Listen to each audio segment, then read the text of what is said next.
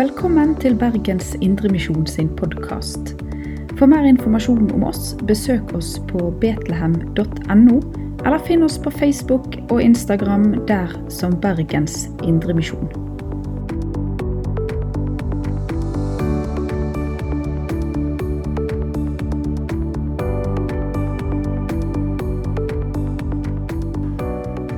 Velsignet søndag til alle.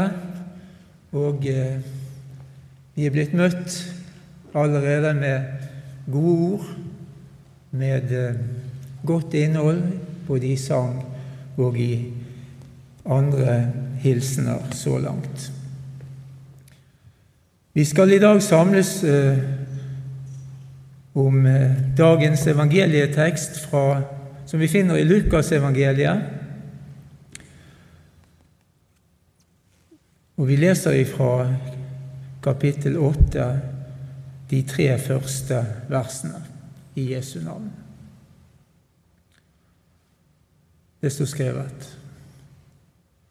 I tiden som fulgte, reiste Jesus omkring og forkynte i byene og landsbyene og bar fram det gode budskapet om Guds rike. De tolv var med ham og noen kvinner som var blitt helbredet for onde ånder og sykdommer. Det var Maria med tilnavnet Magdalena, som sju onde ånder hadde faret ut av, Johanna, som var gift med Kusa, og en forvalter, en forvalter hos Herodes, og Susanna, og mange andre. Men det de eide, hjalp til Jesus og de tolv.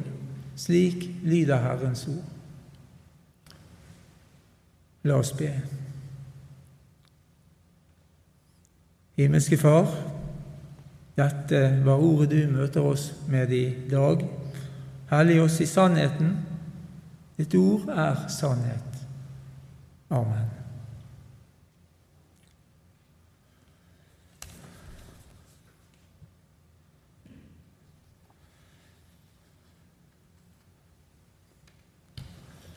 Vi har nettopp fått høre teksten som beskriver Jesus som en omvandrende predikant, kunne vi sagt. Men eh, litt annerledes enn mange av våre predikanter så får vi også her et innblikk i at Jesus han var ikke alene der han vandret. Han hadde også folk som fulgte han, og som understøttet tjenesten, og som hadde Konkrete oppgaver, selv om de sikkert var litt ulike fra plass til plass, så var det nok viktig til at også de blir nevnt i denne teksten vi har nettopp har lest. Vi leser altså at Jesus dro omkring, og dette er et uttrykk for at Jesus kontinuerlig var på vandring til Mindre og litt større steder kunne vi vel egentlig ha sagt. Selv om det står byer, så var de nok ikke så veldig store. Selv ikke de største byene, i alle fall hvis vi taler om området i Galilea og rundt Genesaretsjøen, der Jesus i hovedsak hadde sin tjeneste, i alle fall på denne tiden av året.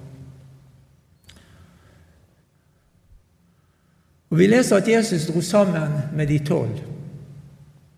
I tillegg hører vi om tre navn gitt til kvinner og mange flere som ikke identifiseres. Iallfall ikke her. Og Det er altså et eh, begrep, de tolv, som allerede her er blitt etablert som en betegnelse på de tolv apostlene som Jesus hadde kalt til seg for å betro dem, ja, men også for å gi dem opplæring til en tjeneste.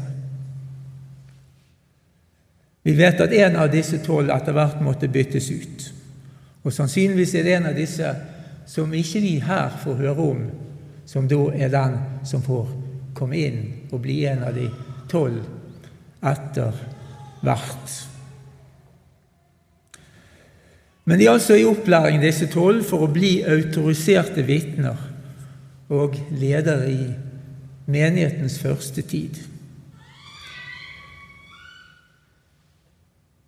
Hovedfokus i teksten er likevel Jesus, slik det alltid bør og skal være når vi som kristne er samlet. Og slik var det også her, det også, og er også slik i teksten. Jesus beskrives, eller hans tjeneste beskrives her innledningsvis på tre måter. Det er vel på mange måter for å understreke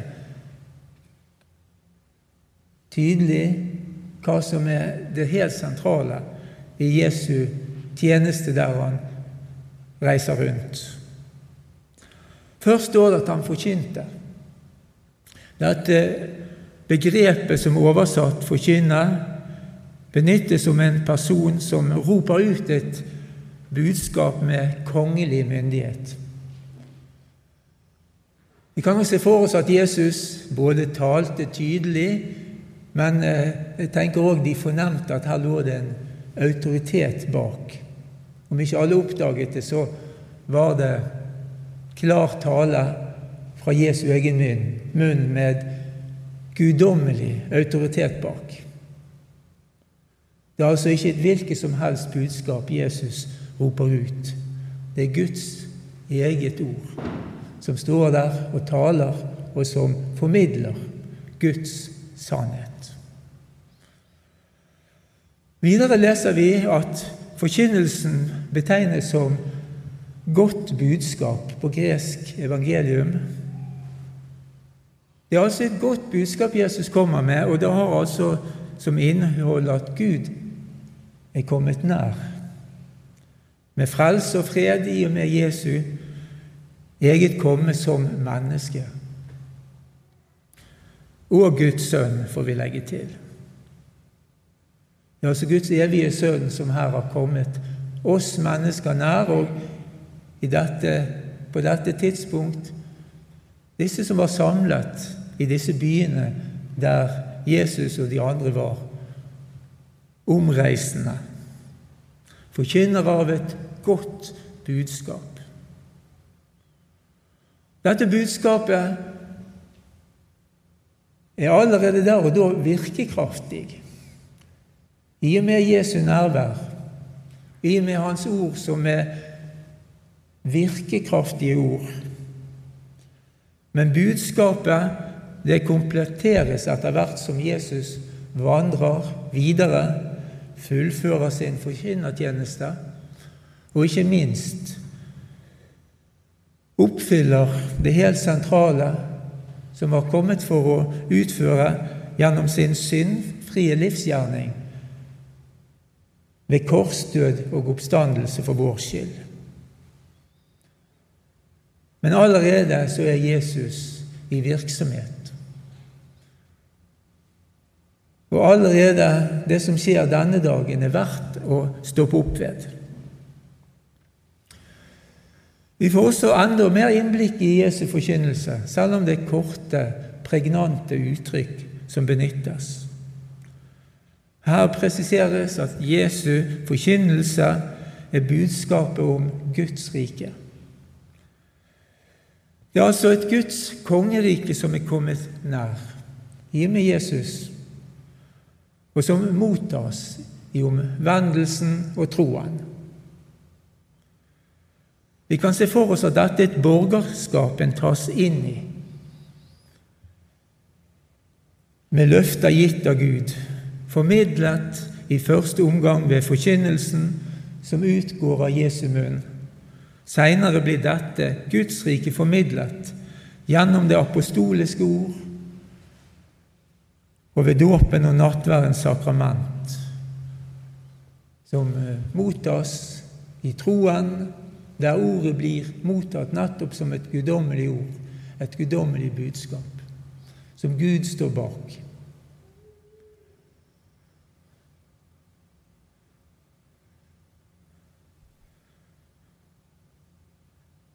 Ikke alle av oss som har eh,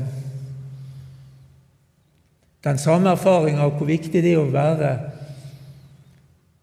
del av et borgerskap, eller en Vi får kalle det også en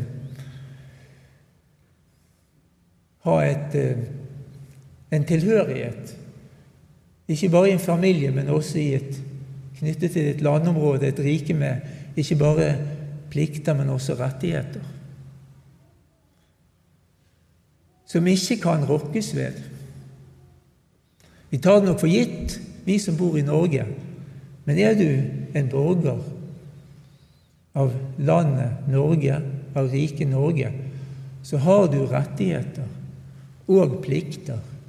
Men det viktigste er at det ikke uten videre slik at dine rettigheter slettes ut. Selv om du ikke er fullkommen i alt og alt du burde gjort. Og slik er det også i Guds rike. Det er både rettigheter og plikter. Men i utgangspunktet så står løftene fast. Gud er trofast mot sitt ord og løfte til de som blir tatt inn i dette Guds rike.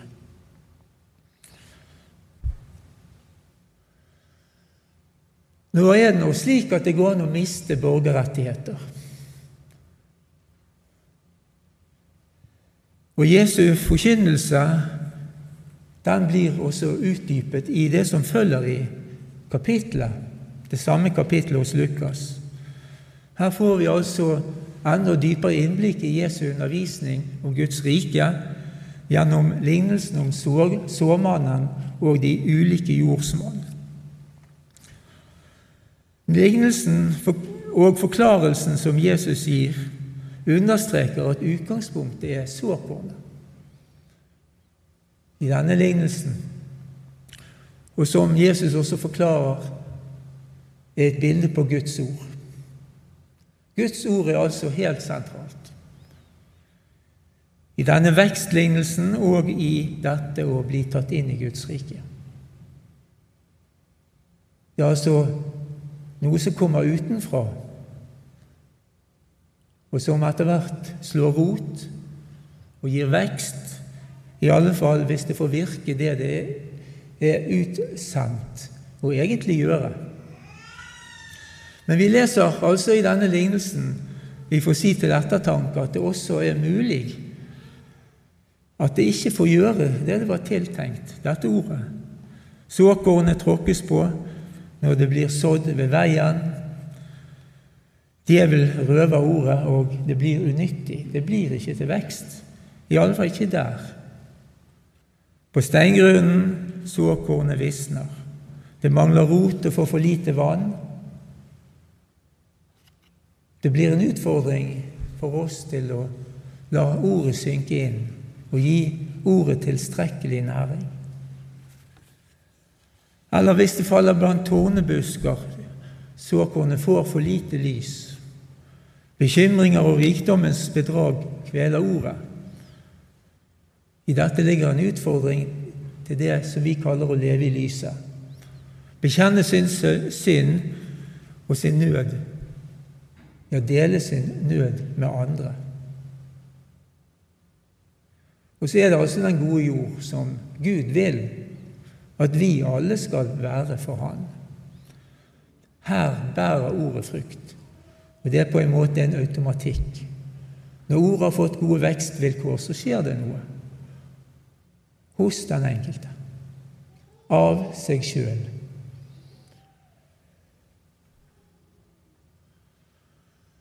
Hos de som var i Jesu følge, hadde ordet allerede båret frukt. Selv om de tilstedeværende ikke var ferdig utlært. Det vet vi. Alle de tolv hadde fått god opplæring, men ikke alle klarte eksamen, kan vi på en måte si. Både Judas og Peter sviktet. Men det er en forskjell om de begge sviktet. Peter fikk i alle fall komme videre med Jesus. Han fikk oppreisning i møte med Jesus, med ordet fra Jesu munn. I møte med den oppstande fikk Peter ny nåde. Og han ble også innsatt som leder i den tidlige kirke. Kanskje det også var en kvalifikasjon, nettopp det å vite at det fins hos Gud den fullkomne tilgivelse for synd Ja, dette er det gode budskap. At det også er rom for sviktende og feilende mennesker som ikke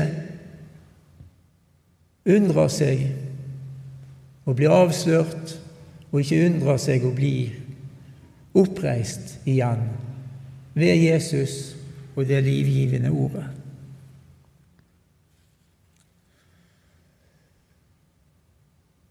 I dagens tekst har vi fått også høre om tre navngitte kvinner. Det er grunnen litt interessant, syns jeg. Jeg har prøvd å stoppe opp med noen av, de, noen av de, eller disse tre. Det er jo ikke så mange opplysninger vi får, men noen. Først hører vi om Maria fra Magdala, egentlig. Hun kommer altså fra en landsby med et tårn en, eh, et lite tettsted ved Genesaretsjøen, litt nord for Tiberias. Det står at hun er utfridd fra sju demoner. Hun hadde altså vært sterkt plaget, men nå var hun blitt et nytt menneske. Og Maria var i Jesu følge, og vi vet at hun også var en av de som var de, blant de første oppstandelsesvitnene. Maria Magdalena. Så hører vi om Johanna. Hun var gift med en som het Kusa, en forvalter hos Herodes. Han var altså en prominent person, og det kan vi nok tenke om konen også. Like fullt, hun hadde altså slått følge med Jesus, og sannsynligvis var hun også en av disse som var blitt helbredet. Og Dermed så, så hun det så viktig å slå følge, og kanskje til og med understøtte det som Jesus og disiplene var i ferd med å gjøre der de vandret rundt. Den tredje er en som heter Susanna, og vi vet ikke så mye om henne, men sannsynligvis så var hun også velhavende og tilstrekkelig kjent blant mange nok til at de nevnte henne ved navn. Det var også flere som var i Jesu følge, som hjalp Jesus og apostlene, og som dro sammen med dem der de kom til nye byer og steder for å forkynne evangeliet om Guds rike. De var med og gjorde tjeneste, og på den måten så hjalp de til slik at belastningen på disse småplassene ikke ble for stor. De ble altså viktige fordi de hadde økonomi, og de kunne hjelpe til. Det var mat som skulle ordnes til, det var ting som skulle kjøpes inn, eller de som de kom til at de fikk i alle fall litt igjen, sånn at de ikke de gikk konkurs fordi at det kom et stort følge til byen. Og I tillegg tenker jeg at disse som var med, og særlig disse tre kvinnene, det lå et vitnesbyrd i nettopp det at de slo følge med Jesus.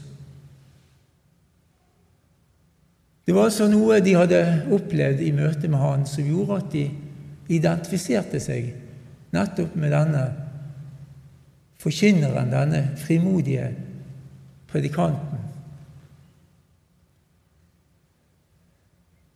De fikk være med og vitne gjennom sine evner og sitt liv. Kanskje de av og til i samtale kunne si Den gangen Jesus kom inn i min landsby, så skjedde det noe med meg. Alle mine plager forsvant. En annen kunne si jeg ble frisk igjen. Kanskje ikke med en gang, men det skjedde noe fra det tidspunktet jeg fikk høre om Jesus og tok ordet til meg.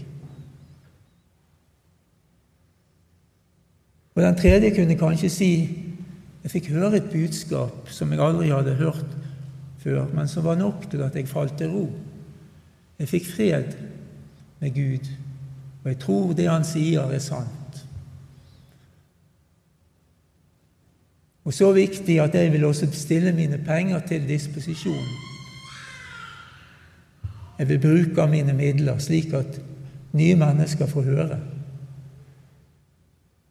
Jesus sjøl taler disse livgivende ord.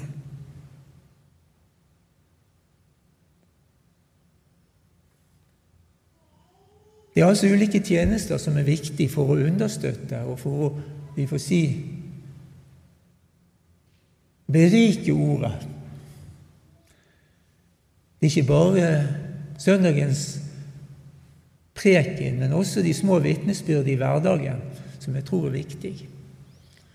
Også tjenester som ikke er synlige, selv om også de synlige tjenester er viktige. Men også å gjøre rett selv om du ikke alltid blir sett. Det er mange som gjør tjeneste, og som trengs. Fordi behovet er stort.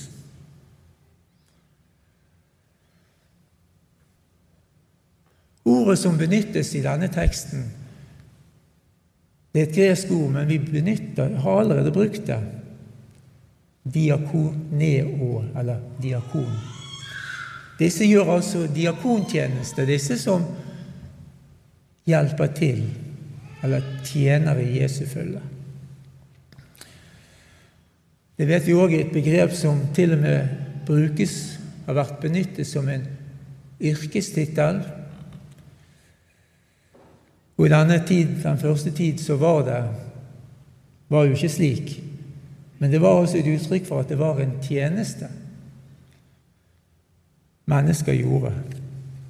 Men etter hvert så ble det en tjeneste mennesker ble satt inn i, og de ble kalt diakoner. De første tjente ved bordene. De var viktige av flere grunner. Vi vet at det var krangel også på den tiden. Det var en av grunnene. De trengte folk som kanskje kunne dempe litt av de tingene og se til at ting ble gjort på en ordentlig måte. Og så kunne apostlene også frigjøres enda mer til forkynnertjenesten. Og til forbundstjenesten, og kanskje også til og med til å veilede de som sto på mange måter i fronten i møte med disse gnisningene som skjedde av og til, også da. Altså vet vi at diakoni også har vært knyttet til andre typer hjelpetjenester. De sykepleie, andre omsorgstjenester. I Jesu følge er det altså et kall til tjeneste vi allerede har fått et lite innblikk i.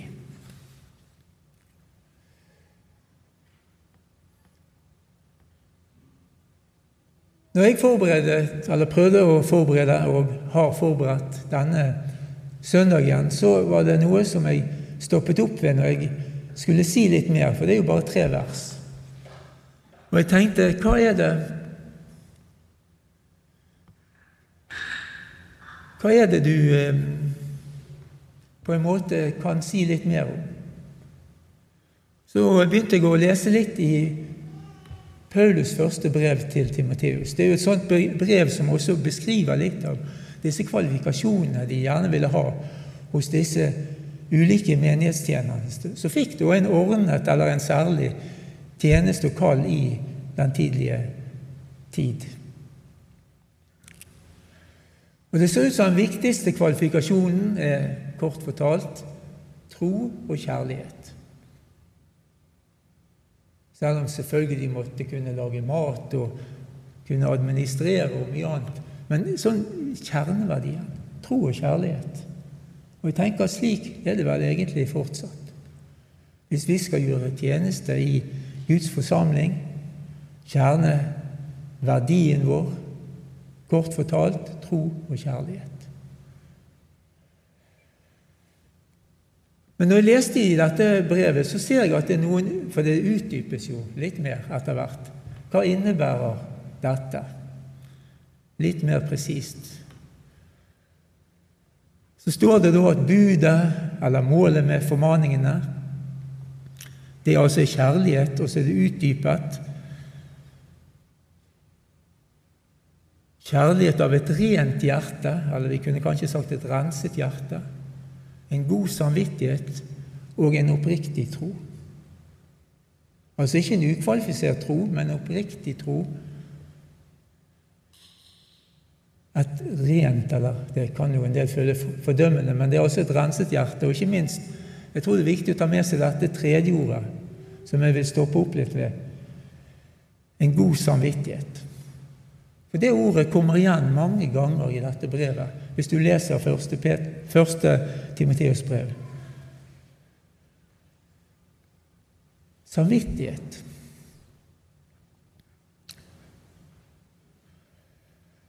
Men Paulus understreker at den gode samvittighet, eller disse egenskapene, har sitt utgangspunkt i den sunne lære. Det er det som kan utvirke det rene hjertet, den gode samvittighet og den oppriktige tro. Og Han sier kort fortalt Jesus Kristus kom til verden for å frelse syndere. Det er den sunne lære. Han vil at alle mennesker skal bli frelst og lære sannheten å kjenne. Så det er læren. Men altså flere ganger står det om samvittighet. Og viktigheten av god samvittighet, ren samvittighet, i motsetning til avsvidd samvittighet. Der troen lider skipbrudd. Det er altså noe som et begrep Jeg vet ikke hvor ofte vi bruker det, men i alle fall for meg så blir dette ordet viktig. Å prøve å på en måte stoppe litt opp ved. Det å eie god samvittighet, en ren samvittighet, det er viktig når vi skal gjøre tjeneste i Guds forsamling. Det innebærer at vi lever åpent og ærlig med vår Gud. Vi taler åpent og ærlig ut om våre kamper og synder, slik at en kan leve i troens sannhet og i ja, virkelig eie syndenes forlatelse. Ikke det som vi litt sånn uforsiktig kaller syndenes tillatelse. Det er altså en forskjell. Det å leve oppreist og oppgjort overfor Gud og sin neste. Det ser ut som det er en viktig egenskap som i alle fall ble understreket av Paulus overfor de første. Og Det er ikke et nytt begrep. Vi møter det også mange hundre år seinere. For nøyaktig 500 år siden så var det altså slik i 1521 på riksdagen i Worms så vet vi at Luther talte om at han var bundet i sin samvittighet til Guds ord. Og han, eh, han kunne ikke frasi seg det han hadde skrevet, selv om det kostet. Det var så viktig fordi han var overbevist om at det han hadde fått møte og hadde blitt møtt av, var sant. Og Vi kan si at samvittigheten på et vis, når den er bundet i Guds ord, så får man en urokkelig kjernesannhet som en del av sitt eget liv. Som gjør at man kan stå, stå for en støyt, tror jeg. Stå i kampen, stå i tjenesten. Slik vi også så Luther gjorde. Han, han ga ikke etter, men han var altså bundet i sin samvittighet. Han sto fast på evangeliets sannhet, og det førte til frimodig tjeneste og velsignelse for mange. Samvittighet en renset og ren samvittighet er viktig for tjenesten, ja, dypest sett for deg som vil høre Jesus til.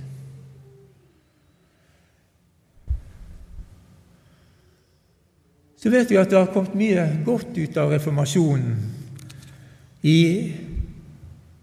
noe av det som ble skrevet, så ble det understreket at ethvert ærlig yrke og familien og ikke bare Kirken, er en viktig, arena for tjeneste. Det kan ses på som en gudstjeneste.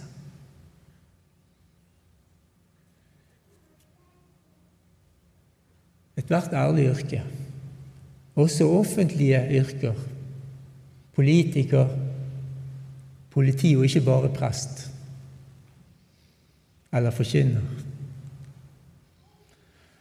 Og så vet vi òg i kjølvannet av reformasjonen, selv om det allerede var etablert institusjoner i Kirkens tidlige tid, så ble ulike tjenester knyttet til en kristne forsamling, begrunnet ut av kristen nestekjærlighet, etablert. Sykehus, barnehjem, eldreomsorg, og vi kan legge til også skole og barnehage. I ethvert samfunn så er det viktige tjenester som skal utføres. Og i vårt land så har det vært slik at mange av disse tjenestene har hatt sin begrunnelse og sitt utløp i nettopp den kristne tro og den kristne nestekjærlighetstanke. Men igjen det er viktig å holde fram at både det åndelige og det kroppslige behovet til ethvert menneske er viktig.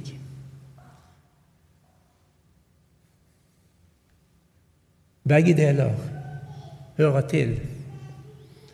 Det henger sammen. Det skal utgå eller være med å fremme Guds rike iblant oss.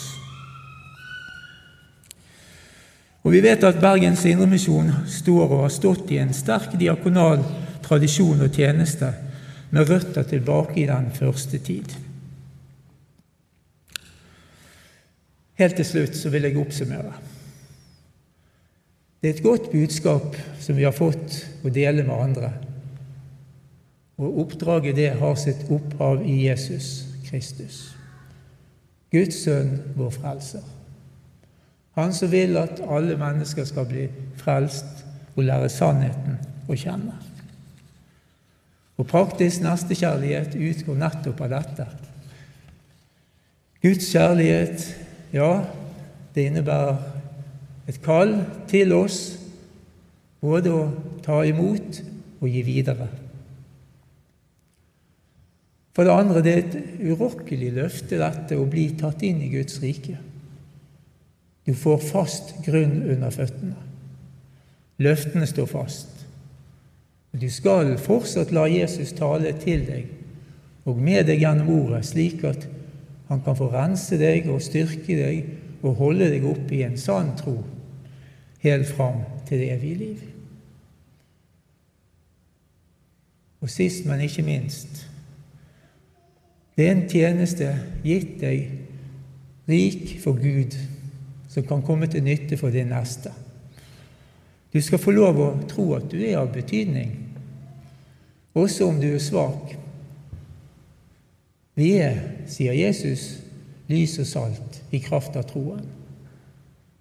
Så skal vi få bruke de krefter vi har, om de er få eller mange. Så lenge utgangspunktet er rett, så skal vi få lov å av og til tro at troen bærer frukt, også iblant oss, selv om vi ikke alltid ser det sjøl. Når ditt kall og utvelgelse står fast, så skal du aldri snuble. Ære være Faderen og Sønnen og Den hellige ånd, som var og er og være skal en sann Gud fra evighet og til evighet. Amen. Du har lytta til Bergens Indremisjon sin podkast. For mer informasjon om oss, besøk oss på betlehem.no, eller finn oss på Facebook og Instagram der som Bergens Indremisjon.